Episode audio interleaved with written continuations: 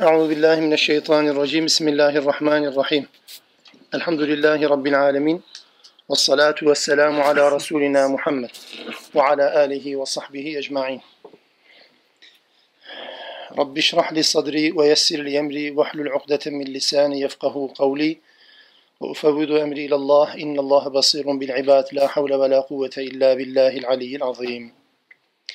Alemlerin Rabbi olan Allah'a hamdü senalar olsun. Onun Resulüne, al ve ashabına, ehli beytine salatü selam olsun. Allah'ın rahmeti, bereketi, mağfireti, selam ve selameti hepimizin üzerine olsun inşallah. Musa Aleyhisselam'ın davetinden söz eden bir bölüm okumuştuk önceki derste. 103. ayetten 126. ayete kadar Musa Aleyhisselam'ın davetinin birinci bölümü sayılabilecek bir kısımdı, bir pasajdı bu.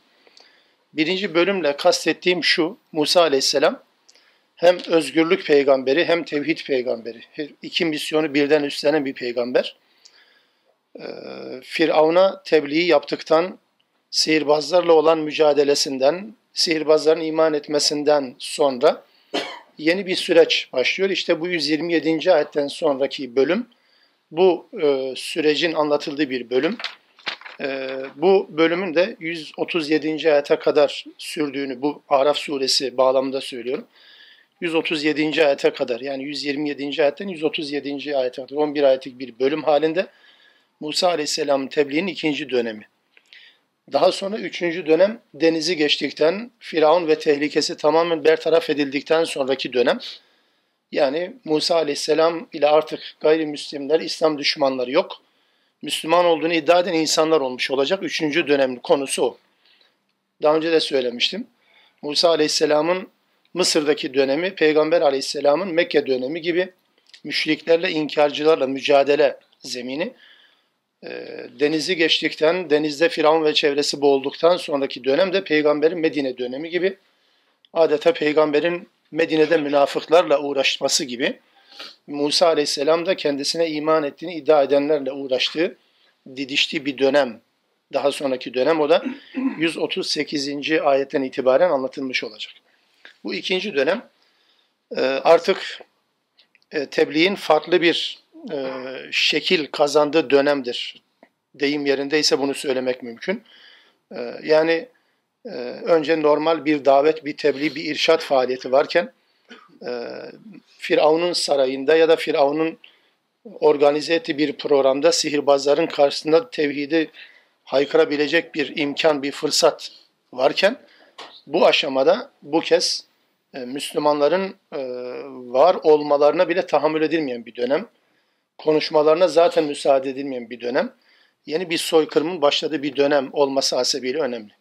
Yalnız bu bölüme başlarken bir şeyi tekrar hatırlatmakta fayda var. Zaman zaman bunun hatırlatılması lazım. Okuduğumuz bu bölümler sadece tarihte milattan önce bilmem kaç yüzyıl önce Musa Aleyhisselam'la Firavun ve çevresi arasında ya da Musa Aleyhisselam'la kendisine iman edenler arasında yaşanmış olduğu anlatılan bir bölüm, bir hikaye, bir öykü değil. Allah Teala bu bölümü anlatırken diyalog örneklerine ya da diyalogta geçen cümlelere özel bir önem verdiğini anlıyoruz. Musa'nın söylediği her bir cümlenin Musa'nın karşısında dik başlılık yapan, kendisine sözde iman eden insanların ve diğerlerinin söylediği her bir cümlenin ayrı bir değeri, ayrı bir önemi vardır. Bunu eğer bugüne taşımazsak, bugün için e, bu ayet bize ne söylüyor sorusunun cevabını eğer ortaya koymazsak, sadece geçmişte bir varmış bir yokmuş gibi bir öyküye dönüşür bu. Kur'an-ı Kerim de bunun için gelmiş değil. Şöyle düşünün mesela. Bu ayetlerin indiği Mekke döneminde Peygamber aleyhissalatü vesselama ve onunla birlikte olan Müslümanlara ne söylüyor idi? Ne anlamda iniyordu bu? Yani sadece tarihi bir bilgi vermek olmadığını biliyoruz. Peki peygamber buradan ne çıkardı? O ne çıkardıysa benzeri durumlarla karşılaştığımız zaman bugün 2015'te de aynı sonuçlar çıkar. 2115'te de aynı sonuçlar çıkar. Yani tarih üstü bir mesaj taşır bu ifadeler. Tarihe e, sadece gömülecek olan cümleler ya da tarihte kalmış olan cümleler değil elbette. Bu diyaloglardaki konuşmaların, cümleciklerin ya da cümlelerin her birisinin bir anlamını mutlaka hayatımıza indirgememiz lazım. Şimdi olmasa bile yarın olabilir. Bunu da hatırlatayım. Yani şimdi değil belki ama yarın bu cümleler lazım olur bize. Burada değilse bir başka coğrafyada lazım olur. Kur'an sadece Türkiye'de, sadece Malatya'daki Müslümanlara hitap etmiyor zaten. Sadece 2015'e de hitap etmiyor. Dolayısıyla mutlaka bilelim bu cümlelerin aynısının kullanıldığı bir zemin zaman olmuştur, olacaktır. Bunu kullanan insanlar olmuştur ve olacaktır. Sözüm ona Müslüman olduğunu söyleseler de bu cümleleri kullananlar vardır, olacaktır. Bu özellikle bu çerçevede eğer okunmazsa hiçbir anlam ifade etmez. Sadece geçmişte yaşanmış olan bir öyküyü okumuş olacağız. Bu düşünceyle inşallah bu ayetleri anlamaya çalışıyoruz. 127. ayet ve devamı. Bismillahirrahmanirrahim. وَقَالَ الْمَلَوُ min قَوْمِ فِرْعَوْنَ Hatırlayalım olayı. Sihirbazlar pazarlık yapıyorken bir gün önce bir gün sonra Müslüman olarak ölmeyi göze alacak kadar, şehit olmayı göze alacak kadar Firavun'a karşı dik durdular. Musa'nın yanında yer aldılar. Öldürüleceklerini bile bile de vazgeçmek gibi bir şeyi düşünmediklerini sözleriyle ifade ettiler ve demişlerdi ki yani sen bizden yapsan yapsan dünya anlamda bir intikam alabilirsin. Bitirsen bitirsen sadece dünya hayatımızı bitirebilirsin. Zaten öleceğiz. Yani sen öldürmesen bile sanki yarın ölmeyecek. Yine öleceğiz hiç olmasa. Ölümümüzün para edeceği bir ölümle öleceğiz. Hiç umurumuzda değil diyerek Firavun'a meydan okuyorlardı. Ve sonra bu teslimiyetlerini ifade etmek üzere şöyle bir dua ile bitmişti 126. ayet. Rabbimiz üzerimize sabır yağdır ve bizi Müslüman olarak vefat ettir. Yani bu ne demek? Yani başımıza gelebilecek sıkıntılar, Firavundan bize gelecek olan sıkıntılara karşı bazen acaba direnememe gibi, kaypaklık yapma gibi bir düşünce olursa şayet Rabbimiz sen bizim elimizden tut, ayaklarımızı kaydırma Müslüman olarak bizi vefat ettir ve bize sabır yağdır ki senin yolunda direnmeye devam edebilelim dediler. Bu duayı yaptılar ve Firavun bunlardan ümidini kesti tabir caizse. İşte tam bu sırada قَالَ الْمَلَوْ مِنْ قَوْمِ Firavun Firavun'un etrafındaki o elit tabaka, seçkin zümre, ileri gelen yöneticiler dediler ki اَتَذَرُ مُوسَى وَقَوْمَهُ لِيُفْسِدُ فِي الْأَرْضِ وَيَذَرَكَ وَآلِهَتَكَ Yani sen Musa'yı ve ona iman edenleri bu ülkede bırakacaksın. Bu ülkeyi ifsat etmek için mi? Bu yeryüzü dediğimiz şey değil. Yani bu ülkeyi ifsad etmek, ülkeyi bozmak için onları göz mü yumacaksın? Üstelik seni ve ilahlarını terk eden bir toplum bunlar. Bir nevi tahrik edici bir cümle.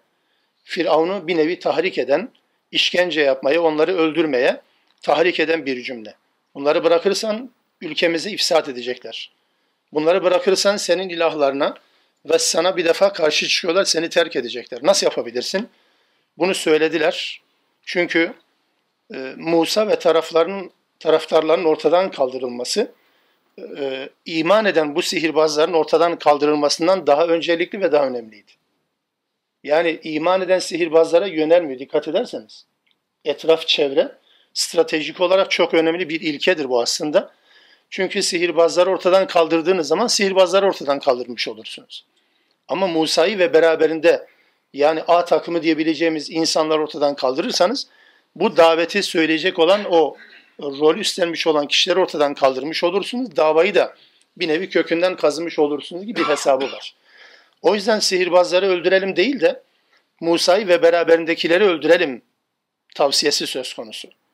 Peki Firavun buna ne dedi? Kale dedi ki senukattilu ebnâehum ve nestahyi nisâehum.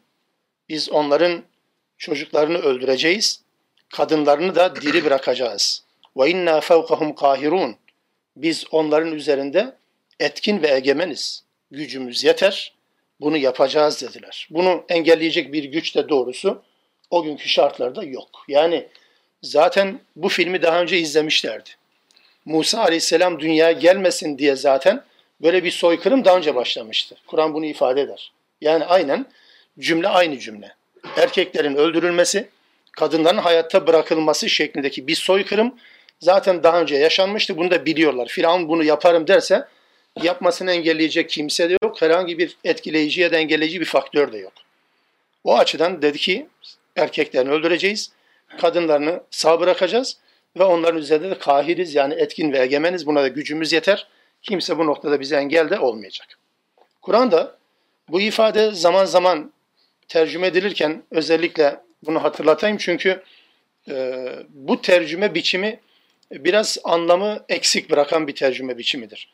Şimdi cümleler hep şöyle kullanılır. Erkekleri öldürmek, kadınları sağ bırakmak. Görünürde nestahyiye de yestahyi nisahum ifadesi. Bu öz, önemli bir e, kelime, önemli bir ifade olduğu için hatırlatmam gerekiyor. Kadınları hayatta bırakma gibi bir anlamı var doğru. Fakat yestahyi ifadesi utanma anlamına da gelir Arapçada. İstihya kelimesi utanmak anlamına gelir. Kur'an-ı Kerim'de de aynen bu kullanılır. Mesela bu Bakara suresinin baş taraflarında Allah Teala bir sivri sineği bile 26. ayette bir sivri sineği örnek olarak vermekten haya etmez cümlesini kullanırken inna Allah la yestahyi en yadribe meselen der. Allah Teala darbe mesele olarak bir sivrisineği ma ba'udaten fema fevkaha bir sivrisinek ve ötesini örnek getirmekten haya etmez, utanmaz, çekinmez. Bu cümle yani bu kelime yestahi kelimesi Kur'an'da da bu anlamda kullanılıyor. Yine Ahzab suresinin 53. ayetinde de peygamber sizden utanır ama Allah gerçekleri söylemekten utanmaz der. Yani e, bir takım şeyleri tavsiye noktasında bunu söyler. Yestahi kelimesi orada da utanmak anlamında kullanılır. Peki burada niye biz kadınları hayatta bırakma diye tercüme ediyoruz? Bu ciddi bir yanılgıdır. Anlamı eksik kalır. Hayatta bırakıyor kadınlar ama hayatta öyle bırakmak değil. Yani kadınlara kıymadığı için değil. Erkekleri tamamen bitirip kadınları hayatta bırakmak adına değil ya, kadınların utanacak şekilde hayatta bırakılmasıdır. Bunu özellikle altını çizelim. Bu Firavun sisteminin, Firavun rejiminin kadınlarla alakalı plan ve programı bu. Kadınları hayatta bırakma değil, kadınları utanacak bir şekilde hayatta bırakmadır. Kelimenin anlamı bu. Bunu düzeltmek gerekiyor. Meallere maalesef bu yansıtılmıyor. Kur'an-ı Kerim bütünü içerisinde bu kelime bu şekilde de kullanılıyor. O zaman tercümeyi şöyle düzeltelim. Ben yaygın çeviri olduğu için öyle ilk etapta çevirdim ki dikkat çeksin diye. O zaman Firavun'un söylediği şey nedir? Onların erkek çocuklarını öldüreceğiz. Kadınlarını da hayasızlaştırarak hayatta bırakacağız. Utanacakları bir şekilde hayatta bırakacağız. Kullanacağız onları. Onlardan istifade edeceğiz. Öldürmeyeceğiz. Öldürmememizin nedeni onlara ihtiyacımız olduğu için değil, merhametten dolayı değil, acıma duygusundan dolayı değil. Kadın oldukları için cinsel istismara konu oldukları için onların hayatta bırakıp hayasızlaştırılmasıyla alakalı bir projedir. Bu Firavun sistemlerinin vazgeçilmezidir. Tarihin değişik dönemlerinde bunlar uygulanmış tabii ki. Mekke dönemine geldiğinde bu kez kadınlar öldürülür, erkeklere dokunulmaz. Çağdaş dönemde, modern dönemde de hem erkekler hem kadınlar daha doğmadan zaten hallediliyor. Ne fark etti? Firavun erkekleri öldürüyordu. Cahiliye dönem Mekke'si kadınları düşmandı. Bugünün modern çağdaş insanı da hem erkeklere düşman hem kadınlara düşman. Neslin oluşmasına düşman. Neslin oluşmasına düşman. Yani kadının ve erkeğin cinsiyet ayrımı gözetmek için yeter ki olmasın ne olursa olsun şekli bir düşmanlık var. Bu da garip bir e, tezahürdür. Bu ayetlerin ne kadar canlı olduğunu göstergesidir. Kale dedi ki Musa bu tehditler elbette boşa giden tehditler değil. Firavun bunu yaparım dediyse engelleyecek bir kimse de yok. Musa bunun üzerine kavmine dedi ki li kavmihi İsta'inu billahi vasbiru. Allah'tan yardım isteyin ve sabredin. Sabredin dedi. İnnel arda lillah. Bu yeryüzü, bütün yeryüzü olduğu gibi ülke yani içinde bulundukları ülke tamamen Allah'a aittir. Mülk Allah'ındır. Yurisuha men yeşâ'u min ibadih. Allah Teala bunu dilediği kullarına tahsis eder. Dilediği kullarını bu ülkeye varis kılar. Vel akibetu lil muttakin. Akibet müttakilerindir. Sonuç Allah'tan sakınanların olacaktır. Sabredin, Allah'tan yardım isteyin, direnin. Göreceksiniz kazanan biz ve siz olacağız dedi. Bu dönem sıkıntılı bir dönemdir. Kur'an bütün konuları her yerde bir çırpıda anlatmaz. Peygamberler tarihi kitabı değil ki Musa'dan söz eden ayetlerin hepsini alt alta sıralasın, kodlasın, kronolojik olarak bunu söylesin. Yok böyle bir bilgi biçimi. Dolayısıyla bu 128. ayette anlatılan Musa Aleyhisselam'ın ağzından duyduğumuz bu cümleler Müslümanların gerçekten hayatının ne kadar daraltıldığının da ifadesidir. Bu Müslümanların sonraki 129. ayette gelecek cümlede de aynı şekilde bir sıkıntı yaşadıklarını anlıyoruz. Nasıl bir hayat yaşamışlar? Mesela Yunus suresinde bu dönemin Yunus suresinde bu dönemin nasıl yaşandığına dair bir e, cümle geçer. Allah Teala'nın Musa'ya ve Harun'a vahyetmesinden söz ederken çok ilginç bir e, hayatın yaşandığını, ilginç derken dehşet bir hayatın yaşandığını o ifadeden anlıyoruz. Yunus suresi 87. ayet. Tam bu dönem. Diyor ki Allah Teala biz Musa'ya ve kardeşi Harun'a vahyettik. Dedik ki en tebevve ali kavmikuma bi Mısra buyuten. Mısır'da bir takım evler edinin. Vec'alu buyutekum kıbleten. Evlerinizi de mabet, kıblegah haline getirin. Akimus salah. Namazı kılmaya devam edin. Ve beşşiril müminin. Müminlere bu anlamda da müjdele zaferi. Şimdi daha önce alanlarda tebliğ yapan Musa ve Müslümanlar kendi evlerinde sadece Müslümanca bir hayatı yaşayabilecekleri bir dönem yaşıyorlar. Dışarıda hayatı yaşama imkanı yok. Yani tabiri caizse bir cendere sıkıştırılmışlar ki kendi evlerinde ancak bunu yapabilecekleri bir dönem yaşadılar. İşte ikinci dönem ile kastettiğim buydu. Yani öyle bir dönem gelebilir bazen dışarıda, sağda solda, çalıştığımız kurumlarda, okullarımızda gözümüzü gere gere Müslümanız diyemeyeceğimiz zamanlar olur. Yani yakın dönemlerde yaşadığımız süreçlerin ötesi, daha ötesi. Böyle bir dönem olabilir. E, o dönemin de alternatif Müslümanlık, o dönemin de alternatif Müslümanlık hayatı ya da İslami hayatı farklıdır. Öyle yapamıyorsanız evde de mi yapamıyorsunuz? Bu Müslüman olmanın olmazsa olmazıdır. Yani dışarıda yapamayacağınız, yaşayamayacağınız İslam'ı evinizde yaşamak zorundasınız, zorundayız. Hiçbir zaman İslam ibadet esasları ya da ahlak esasları ya da emir ve yasakları tatil edilmez. Sadece şekil değiştirir, sadece yöntem değiştirir. Dışarıda yapamayacağınız şeyler olur evet ama evde mutlaka Müslümanca hayatı devam ettirebileceğiniz şeyler vardır. İşte Allah Teala Musa'ya ve kardeşine ve Müslümanlara o günün Müslümanlarına bunu söylüyor. Evlerinizi mabet haline getirin, kıblegah haline getirin ve dolayısıyla namazı kılmaya devam edin. Bunu da mı yapamayacaksınız? Yapamayacağınız şey değil ki bu. O yüzden Müslüman olmak, Müslüman kalmak bunu çok net bir şekilde söylememiz gerekiyor ve iman etmemiz gerekiyor. Bu ilke Müslüman olmak, iyi bir Müslüman olmak için böyle beylik laflar değil. Beylik davranışlar değil. Sade, münferit davranışlar bizim için yeter aslında. Böyle çok birilerini ürkütecek, birilerinin uykusunu kaçıracak slogan türü, sloganik bir İslam anlayışından, hayatından ziyade münferit bir İslami hayat yaşamıyorsanız dışarıda böyle bir hayatı zaten yaşamaya devam edemezsiniz. Mümkün değil. Şöyle tarif edeyim. Yaptığınız zaman kimsenin karışmayacağı şeyler, yaptığınız zaman kimsenin karışmayacağı, müdahale etmeyeceği şeyler bizim ciddi anlamda Müslümanca hayatımızı sağlamamıza yarar olan şeylerdir. Gece, kendi başınıza, çoluk çocuğunuzla birlikte kim müdahale edebilir? Eğer bunu yapamıyorsanız illa da dışarıda bir şeyler yapalım hevesi varsa kusura bakmayın bu din değildir. Her zaman her yerde her şey yapılmayabilir. Ama mutlaka her zaman kendi evinizde her şey yapabilirsiniz. O çatı içerisinde. İşte böyle bir dönem yaşıyor Müslümanlar o dönemde de. Yani bunun ne kadar yeni mi ya da ne kadar eski mi olduğunu anlamaya çalışalım lütfen. Bu yöntemlerin tümü Firavuni sistemlerin yöntemleridir. Müslümanların dışarıda görünmelerine müsaade edilmediği, tahammül edilmediği dönemlerde böylesine bir sıkıştırma durumları söz konusu. İşte bu dönemi yaşıyor Müslümanlar. Ve Musa Aleyhisselam kendisine iman eden, özellikle sihirbazlar ve çevresi insanlar, çünkü bir kişi değil, üç kişi, beş kişi değil, ciddi anlamda bir tehlike arz edecek duruma geldi Müslümanların sayısı. Bundan dolayı bunları da tutması lazım. Musa Aleyhisselam'ın Allah'a tevekkül edin, sonuç gerçekten müttakilerin, sakınanlarındır dedi. Peki bu cümleye ya da bu tavsiye cevabı ne oldu bu toplumun? Bu İsrailoğulları sonuçta Müslüman olduğunu iddia eden insanlar Musa'nın etrafında. Kalu dediler ki Uzina min qabli en te'tiyena min ba'di ve min ba'di ma ci'tena.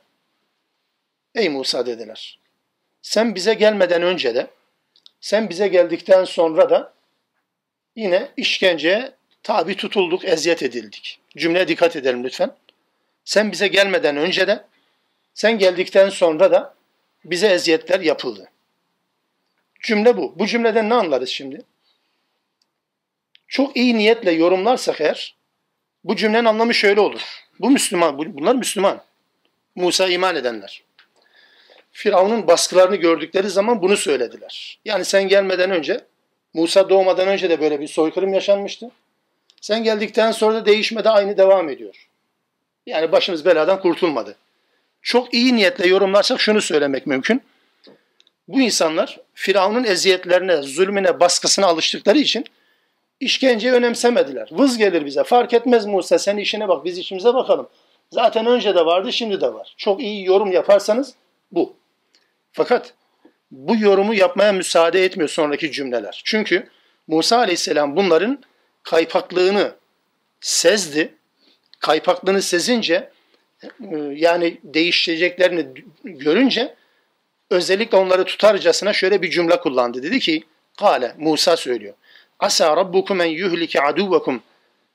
Yani dedi, kim bilir belki de Rabbiniz sizin düşmanınızı helak eder.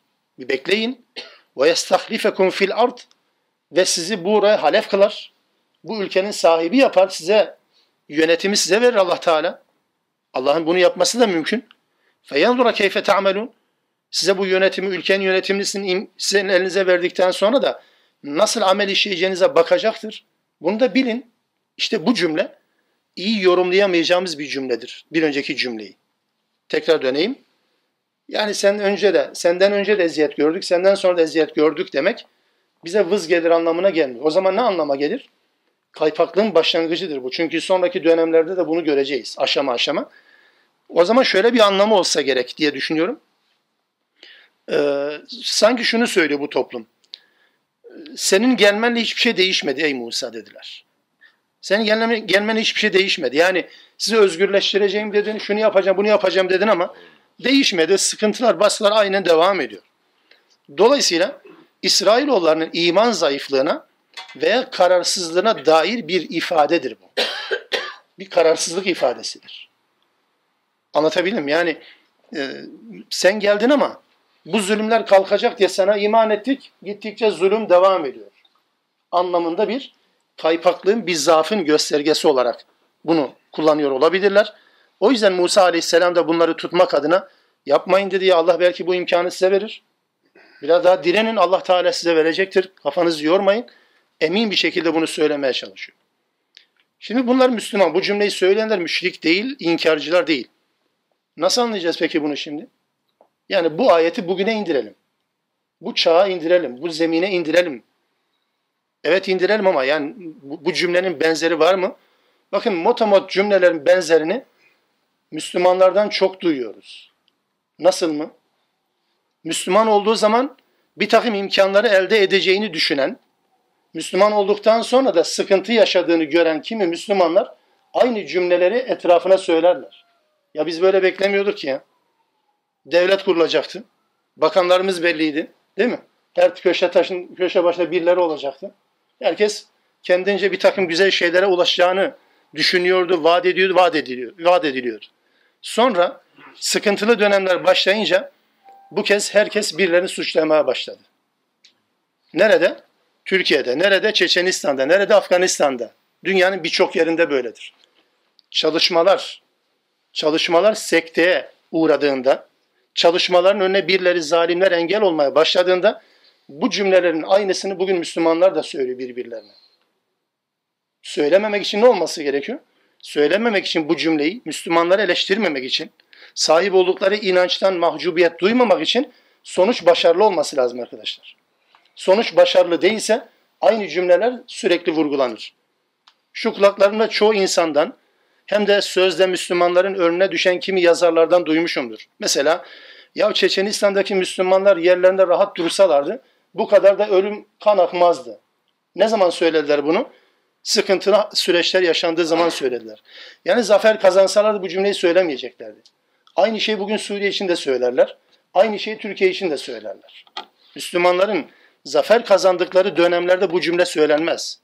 Riskli dönemlere girildiği zaman İsrailoğulların mantığı depreşir ve ortaya çıkar bunu söylerler. Herkes birilerini suçlamaya çalışır. Sizin yüzünüzden.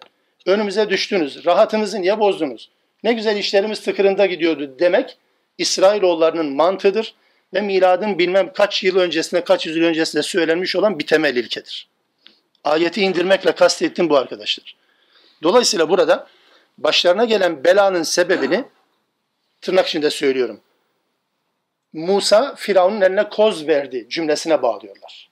Musa Firavun'un eline koz verdi. Rahat, rahat dursaydı, isyan etmeseydi, alttan alsaydı biraz, biraz farklı bir üslup kullansaydı, yumuşak kullansaydı, Müslümanların zulme uğramaması için farklı bir taktik, strateji uygulasaydı, yani tırnak içinde akıllı davransaydı çok daha iyi olacaktı. İsrailoğullarının Musa'dan istediği bu. Musa da onları yatıştırmaya çalışıyor. O yüzden burada Müslümanlar birbirlerini sorumlu tuttukları dönemler hep benzeri sıkıntılı dönemlerdir. Rahat dönemlerde kimse kimseyi eleştirmiyor zaten. Bu ister Malatya'da, ister bir başka ilde, ister Türkiye'de, ister başka ülkede fark etmiyor. O anlamda İsrailoğullar mantığı bize bu anlamda söyleniyor. Mesela aynı cümleler Peygamber Aleyhisselam'ın Medine'sine Müslüman görünen münafıklar tarafından da söylendi. Ya rahatımızı niye bozuyorsunuz ya? İşimiz ne güzel yolunda gidiyordu. Nereden çıktı bu savaşlar? Nereden çıktı bu Tebük? Nereden çıktı bu Hendek, bu bilmem Bedir Medir falan? Yani nereden icap etti bu? Niye? Çünkü insanlar hayatlarını riske atmak istemiyorlar. Hem iman etmemiz lazım, yani hem Allah'tan vazgeçemiyoruz hem dünyadan vazgeçemiyoruz. İkisinden de vazgeçmemiz, vazgeçmememiz gerekiyor tabiri caizse. Ne şiş yanması lazım ne kebap. Böyle bir mantık bu cümlelerin dillerden dökülmesinin nedenidir, temelidir. Bir kez daha okuyalım. Dediler ki, ey Musa, sen gelmeden önce de zaten başımız beladan kurtulmamıştı. Sen geldikten sonra bu devam ediyor. Hiç değişen bir şey yok ki. Musa da yapmayın dedi ya. Allah size bu ülkeyi bakın yönetiminize verir. Allah size yardım eder. Burayı halife yani buranın yöneticisi haline getirir sizi. Amel olarak ne işlediğinize bakmak için deneyecektir sizi bunu bilin dedi.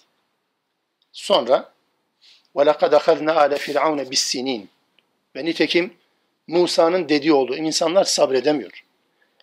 İnsanlar, Müslümanlar azap takvimini kendileri belirlemeye çalışıyorlar. Allah bunu belli bir takvime bağlamış. Müslümanlar diyor ki hayır. Zalimler bir yanlış yaptığı zaman pat balyoz tepelerine inmesi lazım. Allah Teala bu anlamda mühlet tanır ama ihmal etmez hiçbir zaman. Mühleti verir, süre tanır ama asla ihmal etmez. Asla unutmaz. Sadece bir yere not eder.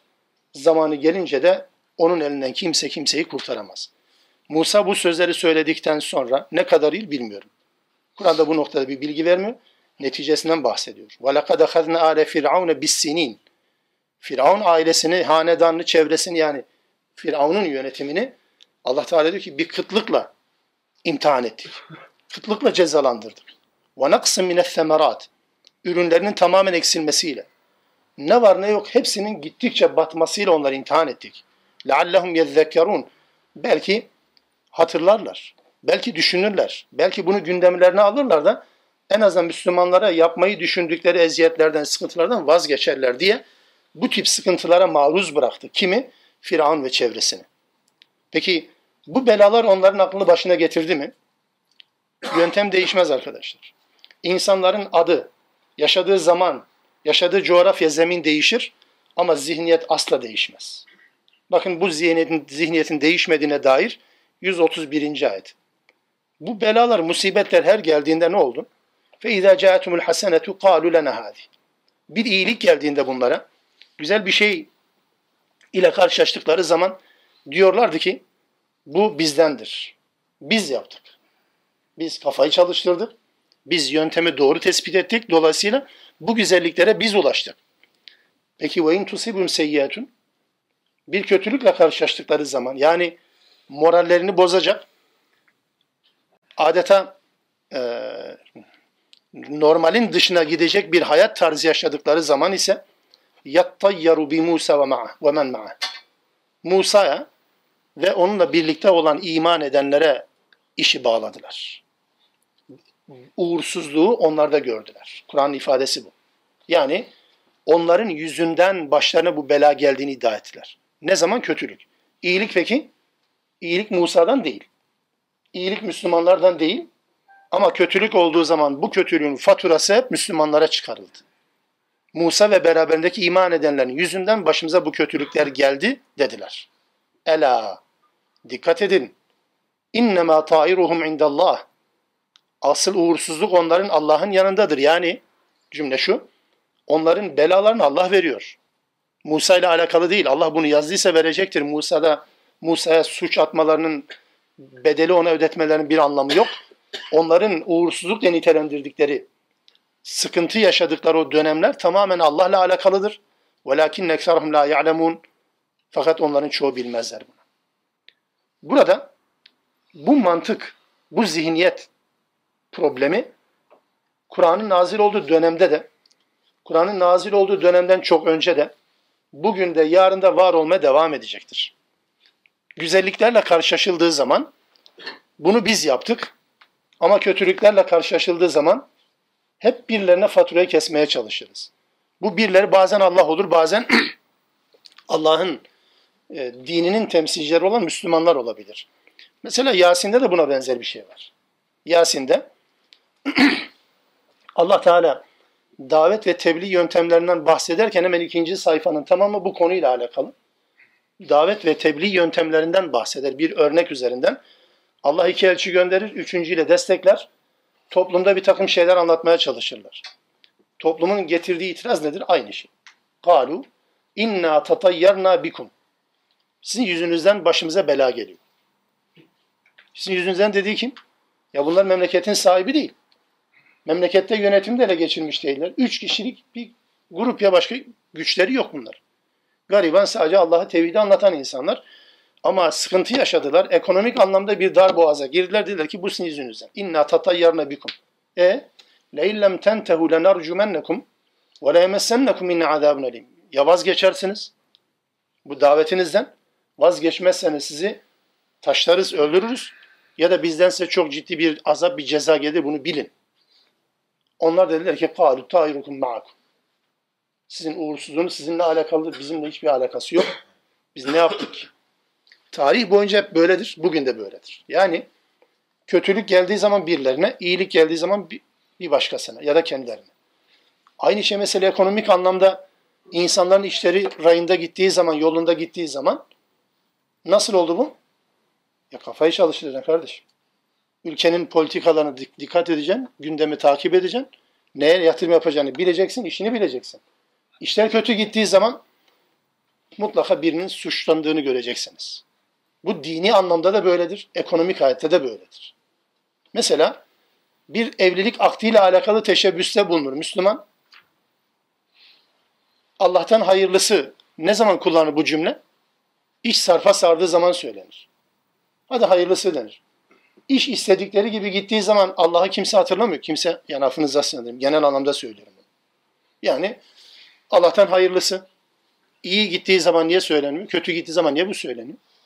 İmtihanlar başarılı gittiği zaman bu ciddi bir imtihandır kimse demiyor. Ama imtihanlar sıkıntılı gittiği zaman demek ki hakkımızda hayırlısı bu. Peki başarılı olduğu zaman niye hakkımızda hayırlısı olmuyor? Çünkü fatura hep böyledir. Kötü durumlarda başkalarını mutlaka işin içerisine karıştırma gibi bir hastalığımız var. Bu zihniyet doğru bir zihniyet değil arkadaşlar. İyiliğin de kötülüğün de hep Allah'tan olduğunu bilelim. Aslında iyilik ve kötülük diye tarif ettiğimiz şey göreceli. Bize göre iyilik, bize göre kötülüktür. Mutlak anlamda. Mesela Nisa suresinde de aynı şekilde 78. ayette buna benzer bir genel ilke olarak herhangi bir kavimle, herhangi bir tarihle, herhangi bir zaman ve zeminle sınırlandırılmadan söylenir. Denir ki Allah Teala der ki Eynemâ tekûnü yudrikkumul mevt. Nerede olursanız ölüm size ulaşacak. وَلَوْ كُنْتُمْ ف۪ي بُرُوجٍ مُشَيَّدَ Muhkem kalelerde olsanız bile, burçların içerisinde korunaklı yerlerde olsanız bile ölüm size ulaşacak hiç boşuna uğraşmayın. وَاِنْ تُصِبْهُمْ حَسَنَةٌ يَقُولُ هَذ۪ي مِنْ عِنْدِ اللّٰهِ Onlara bir iyilik geldiği zaman, bakın farklı bir boyut, bir iyilik geldiği zaman bu Allah'tandır derler. Ve in tusibum seyyiatun onlara bir kötülük dokunduğu zaman da yekulu hadihi min indik. bu senden kaynaklandı diye Müslümanı nitelendirirler, eleştirirler. Bir de böylesi var. İyilik olduğu zaman Allah bize yürü dedi. Kötülük olduğu zaman hep senin yüzünden oldu. Kim o? Müslüman. Kim o? Peygamber ya da benzer. Allah Teala diyor ki buna karşılık kul kullun min indillah. Yanlış yapıyorsunuz. Hepsi Allah'ın yanındadır. Yani hayır Allah'tandır da şer Allah'tan değil değil. Böyle değil. Hepsi Allah katındadır. Kendiniz yaptığınız yanlışın faturasını bir başkasına kesmeye gerek yok. Musa Aleyhisselam'a döndüğümüz zaman bu genel ilke tarihte Musa Aleyhisselam'ın kavmi tarafından da aynen işletilmiş. Yani iyilik dokunduğu zaman biz becerdik ama kötülük geldiği zaman fatura Müslümanlara kesiliyor. Allah Teala belayı veriyor ki akları başlarına gelsin halbuki. Sonra bu onların başına gelen belaların şekillerine dönüyor Allah Teala. Ayet 132. وَقَالُوا Mehma te'tina bihi min ayetin li tesharana biha fema nahnu leke bi mu'minin. Sen bize ne kadar mucize getirsen de aklımızı devre dışı bırakan, mecbur kabul etmemizi mecbur hale getiren ne kadar mucize getirsen de biz sana iman etmeyeceğiz bunu bil diyorlar açıkça. Musa Aleyhisselam'a bu cümleyi söylüyorlar. Ne kadar ayet getirsen de bu ayetler bizi büyülemek için sihir yapmak için getiriyorsun ve biz iman etmeyeceğiz sana diyorlar. Peki süreç nasıl devam etti? Allah'ın getirdiği yardım ya da onlara getirdiği belalara bakın şimdi. فَاَرْسَلْنَا عَلَيْهِمُ الطُّوفَانِ Onların üzerine bir tufan gönderdik. وَالْجَرَاتِ Çekirge. وَالْقُمَّلْ Haşerat. وَالضَّفَادِعْ Kurbağa. وَالدَّمْ Kan. Ayatin mufassalat. Bunların hepsi mufassalat dediği hepsi bir anda değil. Hepsi aynı zaman dilimde değil. Farklı zamanlarda aralıklarla bu bunlar Allah Teala ayet diyor bakınız. Yani kimsenin karşı koyamayacağı bunlar yaşandığı zaman ha mecburen evet bu teslim olmamızı gerektiren bir şeydir dedirtecek türden ayetler mucizeler şeklinde geliyor. Bunları ayetin mufassalat olarak zaman dilimleri farklı azap biçimleri farklı olarak gönderdik onlara. Festekberu ve kanu kavmen mücrimin. Buna rağmen kibirlendiler. Tenezzül etmediler Musa iman etmeye ve mücrim oldular. وَلَمَّا وَقَعَ عَلَيْهِمُ الرِّزُّ Onlara bu azaplar geldiğinde her seferinde kalu dediler ki Ya Musa, ey Musa, üd'u lena rabbek. Rabbine bizim için dua etsene. Rabbine bizim için dua etsene. Bima ahide indek. yani Allah aşkına demektir bu. Allah'ın senin yanındaki ahdine bağlı olarak. Allah'ını seversen Allah aşkına Rabbine bizim için dua et. Ne diye? Leyin keşefte anner ricze eğer bu cezayı bizden kaldırırsan lenu'minenne lek. Sana kesinlikle iman edeceğiz söz veriyoruz. Ve lenursilenne ma'ake beni İsrail. İsrailoğullarını benimle birlikte gönder demişti ya. Bir, sana iman edeceğiz. İki, senin bizden istediğin İsrailoğullarını seninle birlikte göndermeye müsaade edeceğiz. Bu bela yeter ki kaldır. Çünkü kaldıracak hiçbir güç yok. Bu belayı engelleyecek güç yok. Bunu söylediler her bir bela geldiğinde. فَلَمَّا كَشَفْنَا عَنْهُمُ الرِّجْزَ اِلَى اَجَلِنْهُمْ بَالِغُ Belli bir süreye kadar o azabı ertelediğimiz, kaldırdığımız zaman da faydası mı oldu? Ne münasebet. اِذَا هُمْ يَنْكُثُونَ Yalan söylediler, sözlerinde durmadılar. Her seferinde bunu yaptılar. Fen Fentekamna minhum biz de onlardan intikam aldık. Fa'araknahum fil yem ve onları denizde boğduk. Bi ennehumkezzebu bi ayatina ve kanu anha gafilin. Ayetlerimizi yalanlamalarından, mucize olarak gösterilen bu ayetleri yalanlamalarından ve bundan gafil olmalarından dolayı onları denizde ya da suda boğduk diyor Allah Teala. Süreci hatırlamaya çalışın tekrar şimdi. Burada Allah'ın gönderdiği bu azap modelleri sıra dışı.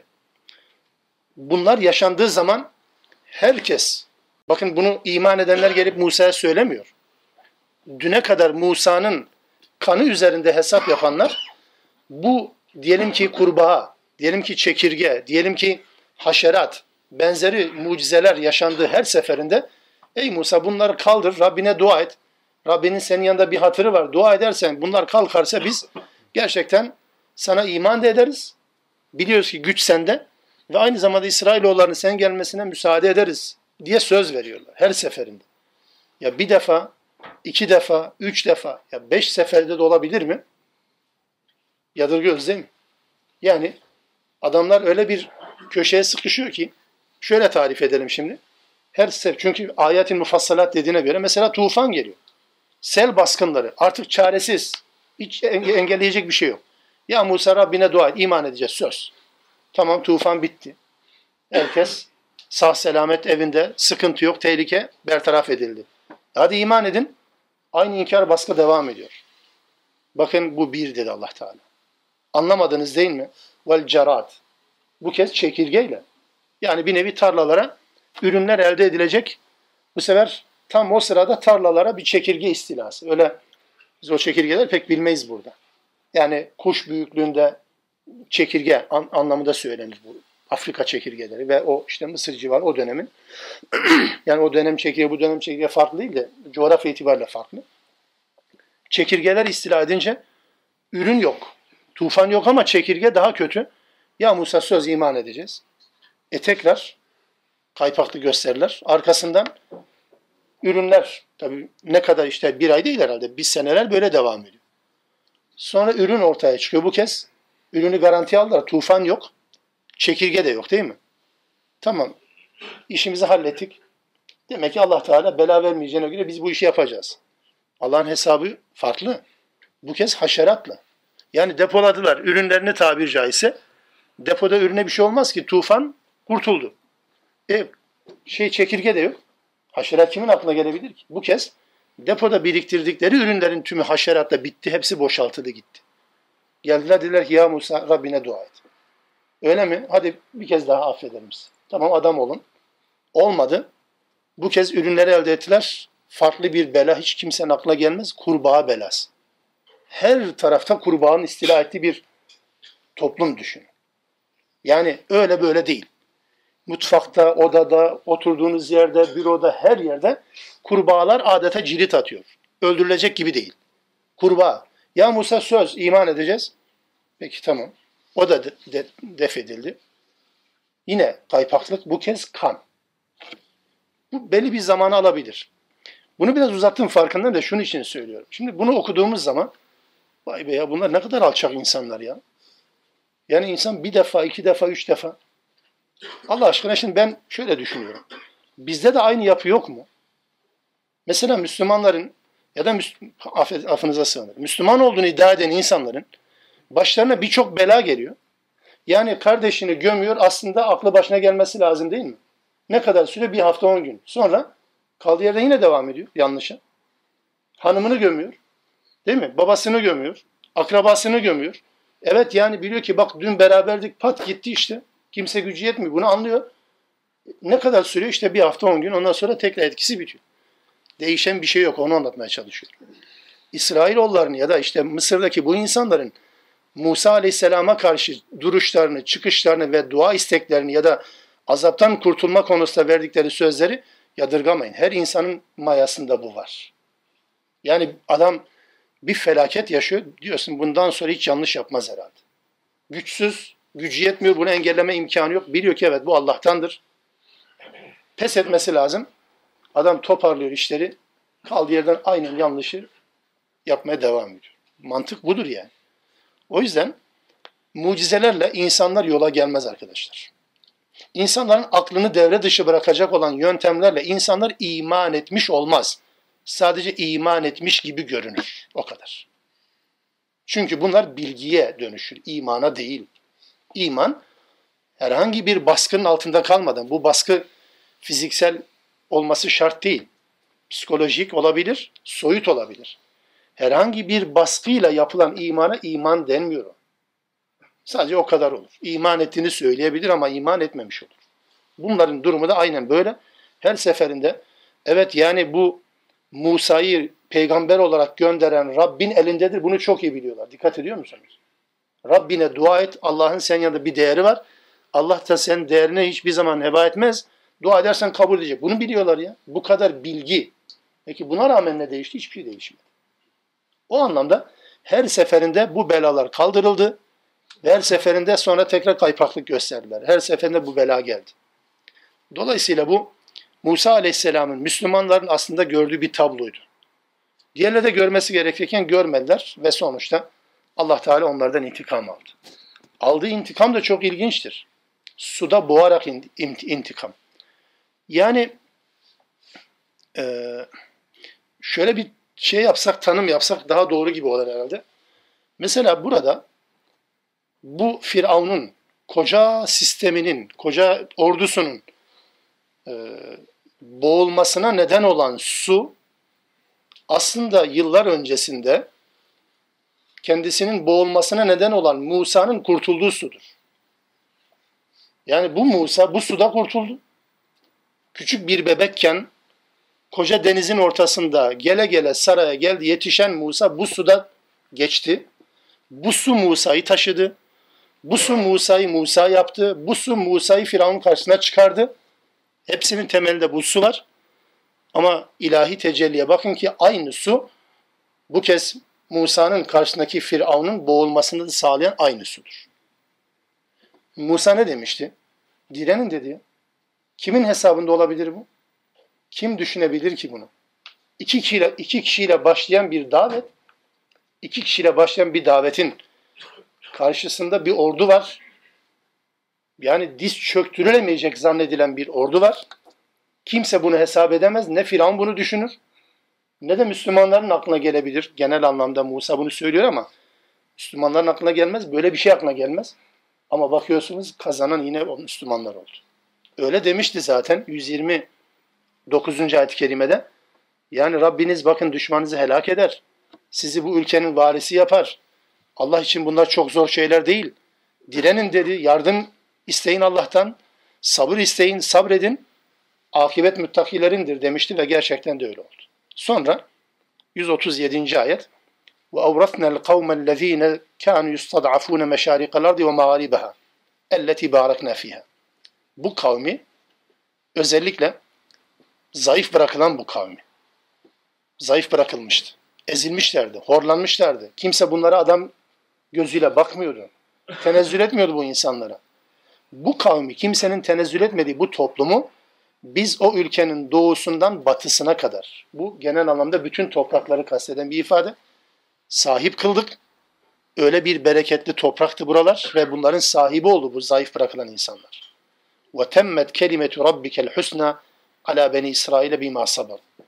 İsrailoğullarına sabretmelerinin karşılığı olarak Allah'ın kelimesi, yasası da gerçekleşmiş oldu. O yasa Musa tarafından daha önce söylenmişti. Sabredin, Allah sizi buraya sahip kılacak. Burayı sizin idarenize verecek demişti. Allah'ın bu yasası gerçekleşmiş oldu. Kana yasna'u firavun ve kavmu ve ma kanu ya'rişun. Firavun'un ve onun kavminin yapmış olduğunu, sanat haline getirdiği bütün her şeyi, düzlükleri, kurdukları her şeyi yerle bir ettik. Darmadağın ettik, tepe taklak ettik ve oralara o Müslümanları varis kıldık diyor Allah Teala. Dolayısıyla iki kişiyle başlayan bu davanın, davanın ve davetin neticesinde kaybeden yine Firavun, kazanan azınlık, kaybeden yine müstekbir, kazanan yine müstazaf, zayıf bırakılan insanlar. Bu tarihin sadece bir dönemde yaşanmış olan bir olay olarak anlatılmaz. Tarihin her dönemi için bu geçerli bir olaydır. Mesela aynı ayetten indiği dönemde Peygamber aleyhissalatü vesselam bir kişiyle başladı. Kendi evi içerisinde hanımı iman etti. Sonra yeğeni, şey, amcasının oğlu Hazreti Ali iman etti. Sonra en fazla garibanlar, mustazaflar iman ettiler. Kimse bunların bir gün gelip Mekke'de söz sahibi olacağını hesap etmiyorlardı. Edemezlerdi zaten. Neticede oradan sürüldüler, kovuldular. Ama 21 sene sonra Mekkeliler peygamberin karşısında mahcup bir edayla durdular.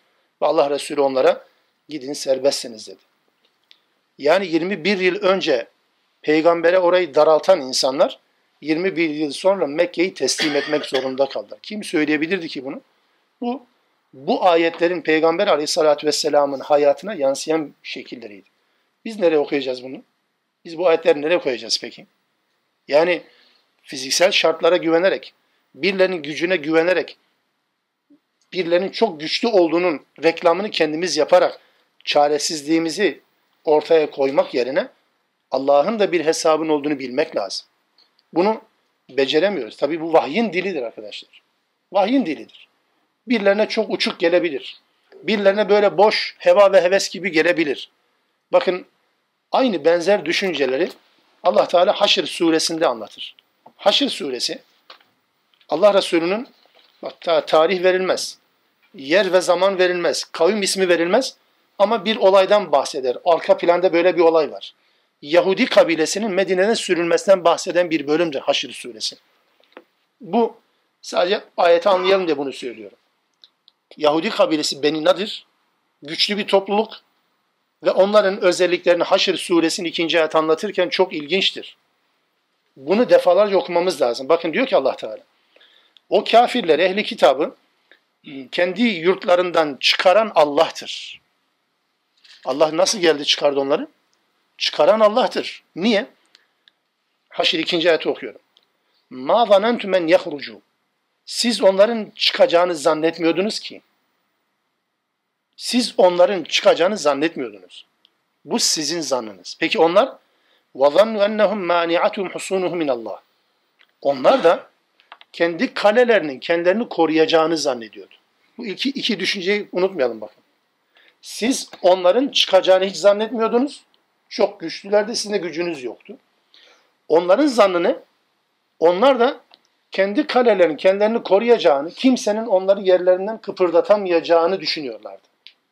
İki tane zan eşittir sıfır oldu. Sıfırlandı.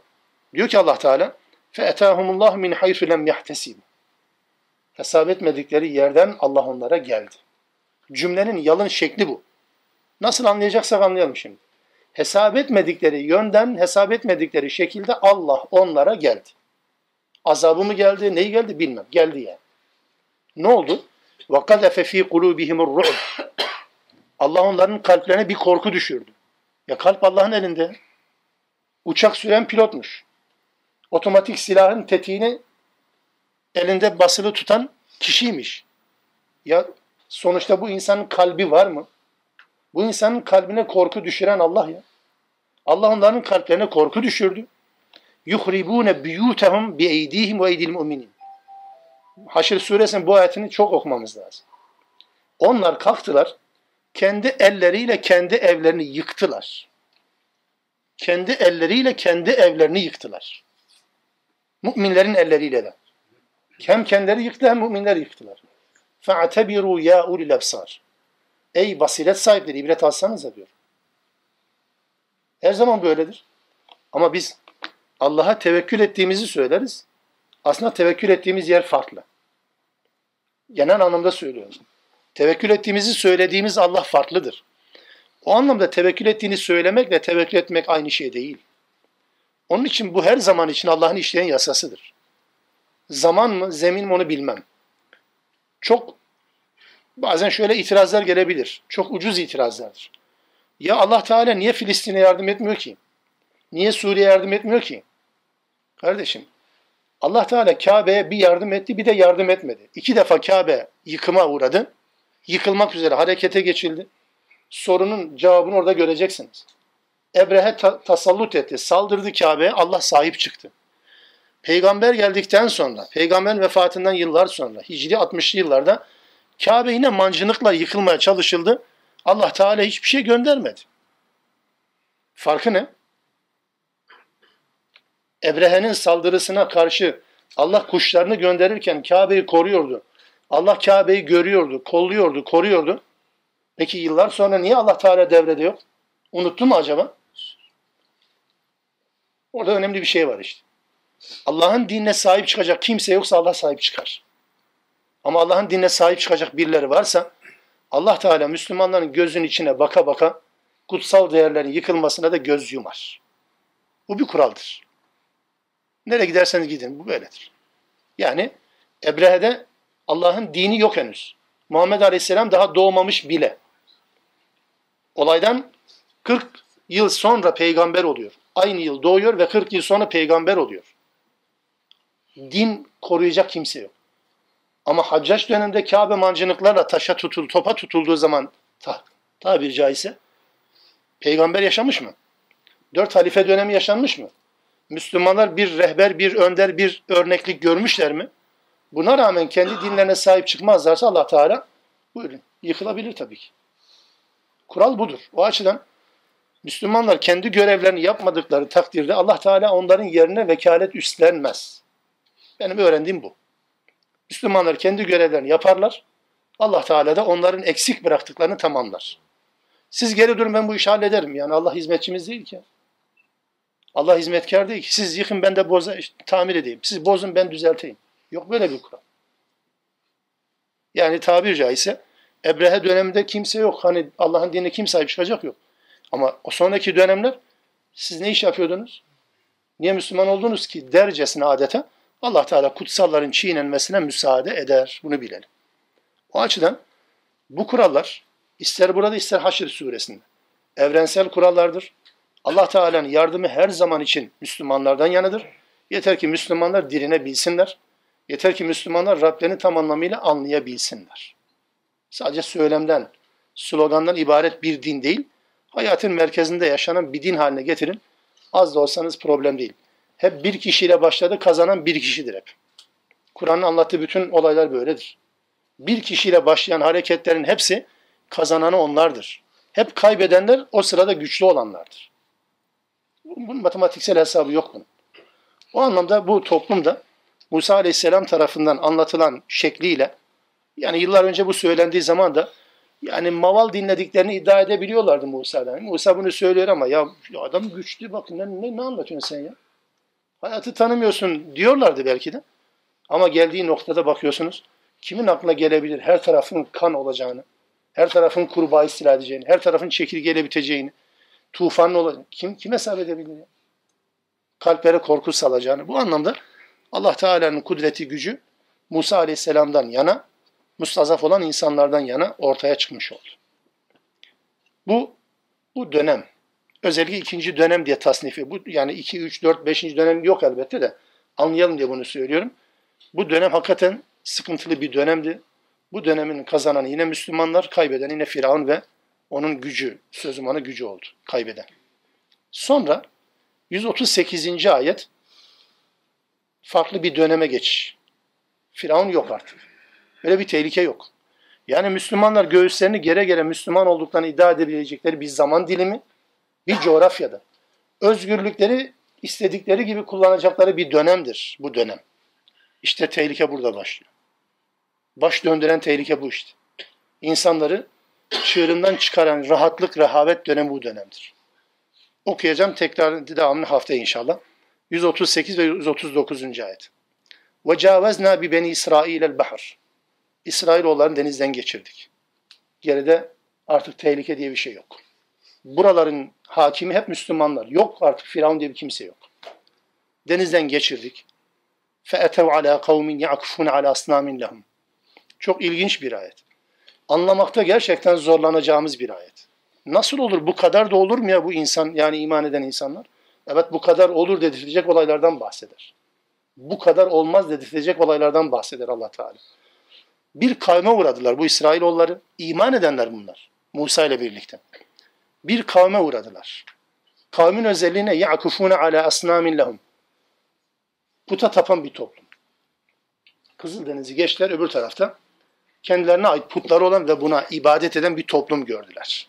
Kalu dediler ki ya Musa İc'al lena ilahen kema lehum aliha.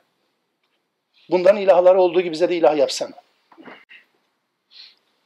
Nasıl bir şey bu?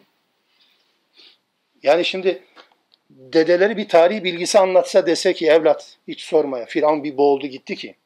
Öyle değil kendileri görmüşler ya. Yani bu cümleyi söyleyen adamlar Firavun'un boğuluşunu kendileri izlemişler. Kendi kurtuluşlarını kendileri yaşamışlar. Bir tarihi bilgisi değil bu. Korkunç bir şey bakın. Ötesi yok bunun. Bundan ilahları gibi bize de ilah yapsana Musa. Söylenecek laf mı şimdi? Kale dedi ki Musa innekum kavmun techelun. Siz çok cahil bir toplumsunuz. Böyle cehalet olur mu ya? Az önce kurtuldunuz. Ne diyorsunuz siz ya? Ne dediğinizin farkınızda farkında mısınız? İnne haulâi mutebberun mâ hum fîhi ve bâtilun mâ kânû ya'melûn. Bu sizin özendiğiniz kavim var ya helak olacaktır. Ve iman ettikleri şey hepsi batıldır, boş şeylerdir. İşledikleri şeyin hepsi boştur. Sonu yoktur, güdüktür bunlar. Kâle gayrallahi yabgîkum ilahen. Yani Allah'ın dışında size bir ilah mı edineyim? Ne diyorsunuz siz ya? Allah'ın dışında size bir ilah mı edineyim? Ve huve faddalakum alel alemin. sizi alemlere üstün kıldığı halde Allah nasıl olur da Allah'ın dışına size bir ilah edinebilirim ki? Ne diyorsunuz siz? Kesin dedim ama iki dakika, bir saati tamamlamak üzere iki dakika var. Bu ayeti de bitireyim, öyle bitireyim. Şimdi bu cümle ne anlama gelir? Doğrusu yani bunlar Müslüman, bunlar bu kadar badirden geçmiş insanlar ama denizi geçtikten sonra özgür bir ortamda, rahat bir ortamda tabi bu hemen bir günde değil belki bir zaman geçiyor. Ve puta tapan bir toplum görünce ya bunların putları var bizimki niye yok? Komik bir şey belki. Ama dediler yani. Şimdi bunu nasıl anlayacağız? Bununla alakalı e, Hazreti Peygamber aleyhissalatü vesselamın hayatında olan ve peygamberin bu olayla özdeşleştirdiği bir örnek var. Şimdi bu örnek olmasa hakikaten anlamakta zorlanacağız. O örneğin arka planını ve ne demek istediğini anlıyoruz. Anladığımız zaman da İsrailoğullarının nereye konacağını da tespit ediyoruz. Bakın. Çok net bir olay. Hayber dönüşü, bazı rivayetlerde Huneyn dönüşü derler. Hayber dönüşü, Hazreti Peygamber ve Müslümanlar dönüş yolunda Zatü Envat denilen bir ağaç var. Yani düşünün işte e, tarihi bir çınar gibi düşünün mesela. Yani orası bir önemli bir yer, önemli bir figür aslında. O Zat-ı Envat'ın yanına uğruyorlar. Zat-ı Envat bir özel ağaç ismi. Ashab-ı Kiram Peygamber aleyhissalatü vesselam'a diyor ki, Ya Resulallah, müşrikler savaşlardan sonra Zat-ı Envat denilen bu ağacın yanında şenlik yapıyorlar, panayır düzenliyorlar, kılıçlarını asıyorlar vesaire vesaire. Bunların böyle bir ağaçları olduğu gibi bize de bir tane Zat-ı Envat tahsis etsene. Bakın cümle bu. Yani tapınma değil ya. Yani bize de bir şey yap. Onların böyle bir zat envatları var. Bize de böyle bir şey yapsana. Hazreti Peygamber nereden icabeti valla ben de bilmiyorum. Dedi ki yıllar önce Musa'nın kavminin Musa'dan istediğinin aynısını siz benden istiyorsunuz. Çok ilginç bir şey. Ne istediler ki ya? Bakın Musa'nın kavminin Musa'dan istediğinin aynısını siz benden istiyorsunuz dedi. Aynı ayetleri okudu. Araf suresinin bu ayetlerini 138 ve 139. ayet okudu. Musa da böyle demişti. Ne kadar cahil bir toplumsunuz demişti. Ve ne dedik veya dediklerine pişman oldu sahabe-i kiram. Ne anlama geldi peki bu? Yani bir ağacı istemek, bir puta tapmayı istemekle niye özdeşleştirildi? Eğer Allah bir şeyi müsaade etmiyorsa, Allah bir işin yapılmasına dair bir örnek koymamışsa ortaya, birilerine özenerek, birilerine bakarak, birilerini taklit ederek din geliştirmeye, kutsal geliştirmeye başladınız mı? Bunun adı budur aslında. Dikkat edin mesela Zümer suresi 3. ayet-i kerimede müşriklerin şu mantığı anlatılır. Yani puta tapma dediğimiz şey bize çok farklı bir e, boyut kazanmış. Aslında öyle değil. Çok normal bir şey. Mesela Zümer 3. ayet okuyoruz. Zümer 3. ayet-i kerimede ne diyor? Ela lillahi dinul halis.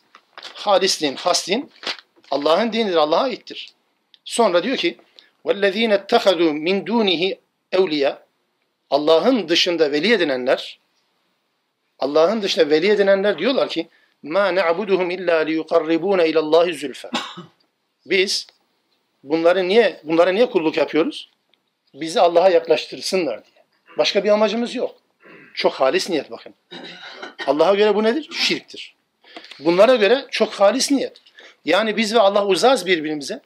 Aramıza katalizör görevi yapan, bizi yaklaştıran, bizi kaynaştıran şey Allah'ın dışındaki bu bir ufaklı tanrılar. Canlı olabilir, veli olabilir, deli olabilir, ne olur bir şeyler olabilir yani. Fark etmez.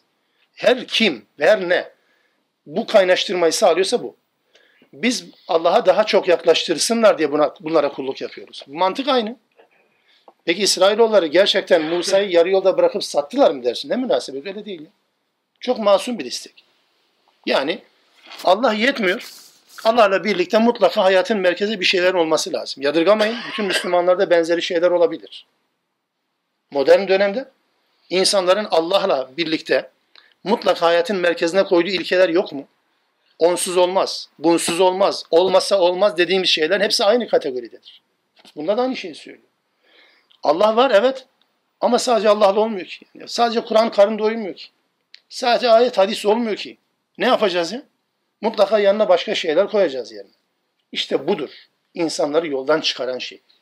Bunun adı putçuluk mu dersiniz? Bunun adı ilah mı dersiniz? Bunun adı veli mi dersiniz? Bilmem ama Peygamber aleyhissalatü vesselamın o getirdiği örnek çok enteresandır. Başkalarına özenerek yeni kutsal alanlar, yeni kutsal yerler ya da şeyler ya da nesneler oluşturmak evet cehalettir. Allah'a rağmen ilah kabul etmek anlamına gelir. Bunların niyetinin Allah'ın dışında bir ilaha tapınmak olmadığını söyleyelim tekrar. Niyet öyle değil ama Allah böyle değerlendirir. İnsanların ne söylediklerini düşündükleri değil. Allah'ın olayı nasıl değerlendirdiği önemlidir. Mesela e, bir örnek vererek bitireyim. Hazreti Ömer, Hazreti Peygamberle beyatın, anlaşmanın yapıldığı, beyatü rıdvan dediğimiz Hudeybiye'de anlaşmanın ölüm kalım mücadelesi sırasında ölümüne bir anlaşma yapıldı, ağaç vardı. Peygamber aleyhissalatü vesselam döneminde vardı. Ebu Bekir döneminde vardı. Ömer dönemine geldiğinde ayda bir bakıyor ki ağacın altında namaz kılmaya başlıyorlar. Hira'da namaz kılmak gibi biliyor musunuz? Sevir'de namaz kılmak gibi. Ya böyle bir şey yok. Kutsal tarafı yok bunun Ömer. Ömer baktı ki o bu ağaç böyle kalırsa yarın tapınacaklar. Ağacı kesti kurtuldu gitti. İyi de iyi ki de kesmiş yani. Niye? Çünkü insanlar bazı şeyleri çok fazla abartırlar. Bazı şeyleri Allah'ın ya da peygamberin yüklemediği anlamlar yüklerler. Budur işte kastedilen. Ağaç, ağaca tapınmıyor elbette. Müslümanlar ağaca tapmak için o yapmıyor. Hazreti Ömer peki niye kesti? E tapınmaya doğru gidiyor. İşte budur tapınma. Allah'ın din olarak ortaya koymadı. Adına kutsal demediği bir şey hiç kimse kutsal diye niteleyemez ki. O yüzden İsrailoğulların bu beklentileri, bu istekleri çok masum bir istektir. Küfür değildir, isyan etmek adına değildir. Musa'yı yarı yolda bırakmak değildir, satmak değildir bakınız. Ama çok masum, çok saf bir düşünceyle bunu söylüyor. Allah Teala diyor ki hayır. Ona söyle, Musa'ya söyle de ki gerçekten çok cahil bir toplumsunuz. Allah sizi üstün tutmuşken nasıl olur ben sizin ilahınız, Allah'ınız dışında başka ilah peşinde koşabilirim? Vazgeçir. Vazgeçirdi mi dersiniz? O, o anda belki. Geçici bir süreliğine vazgeçtiler. Çünkü bu düşünceye sahip olan insanoğlu bundan kolay kolay vazgeçemez. Nitekim daha sonra bir yolunu bulup Musa aleyhisselam Allah'la buluşma gittiği zaman 40 geceliğine fırsattan istifade gene bir buzağa tapınmaya başladılar. Yine kötü niyetle değil. Yine Allah'ı bırakmak adına değil. Musa dönünceye kadar ilahımız olsun ya bunsuz olmuyor dediler. Mesele buydu. O yüzden bu düşünce sistemi bu aşamadan sonra Müslüman olduğunu söyleyen, iddia eden ama Müslümandan başka her şeye benzeyen bir insan tipini ya da insan tiplerini anlatacak olan bir bölümdür bundan sonraki bölümler. Tabir caizse Medine döneminde peygamberin Müslümanlar ya da Müslüman olduğunu söyleyenlerle uğraştığı dönem gibidir. Firavun yok. Firavunla uğraşmaktan daha çetin. Firavunla uğraştı sonuçta ölüm kalım mücadele. Ama bu öyle değil. Müslüman bunlar. Fakat her seferinde yalpa yapan insanlar. İnşallah devamı bu şekilde gelecek. Rabbim istifadenin kullarından eylesin. İnşallah ayaklarımı sabit kılsın. Subhanekallahumma bihamdik. Eşhedü en la ilahe illen testağfiruk ve etubu ileyk.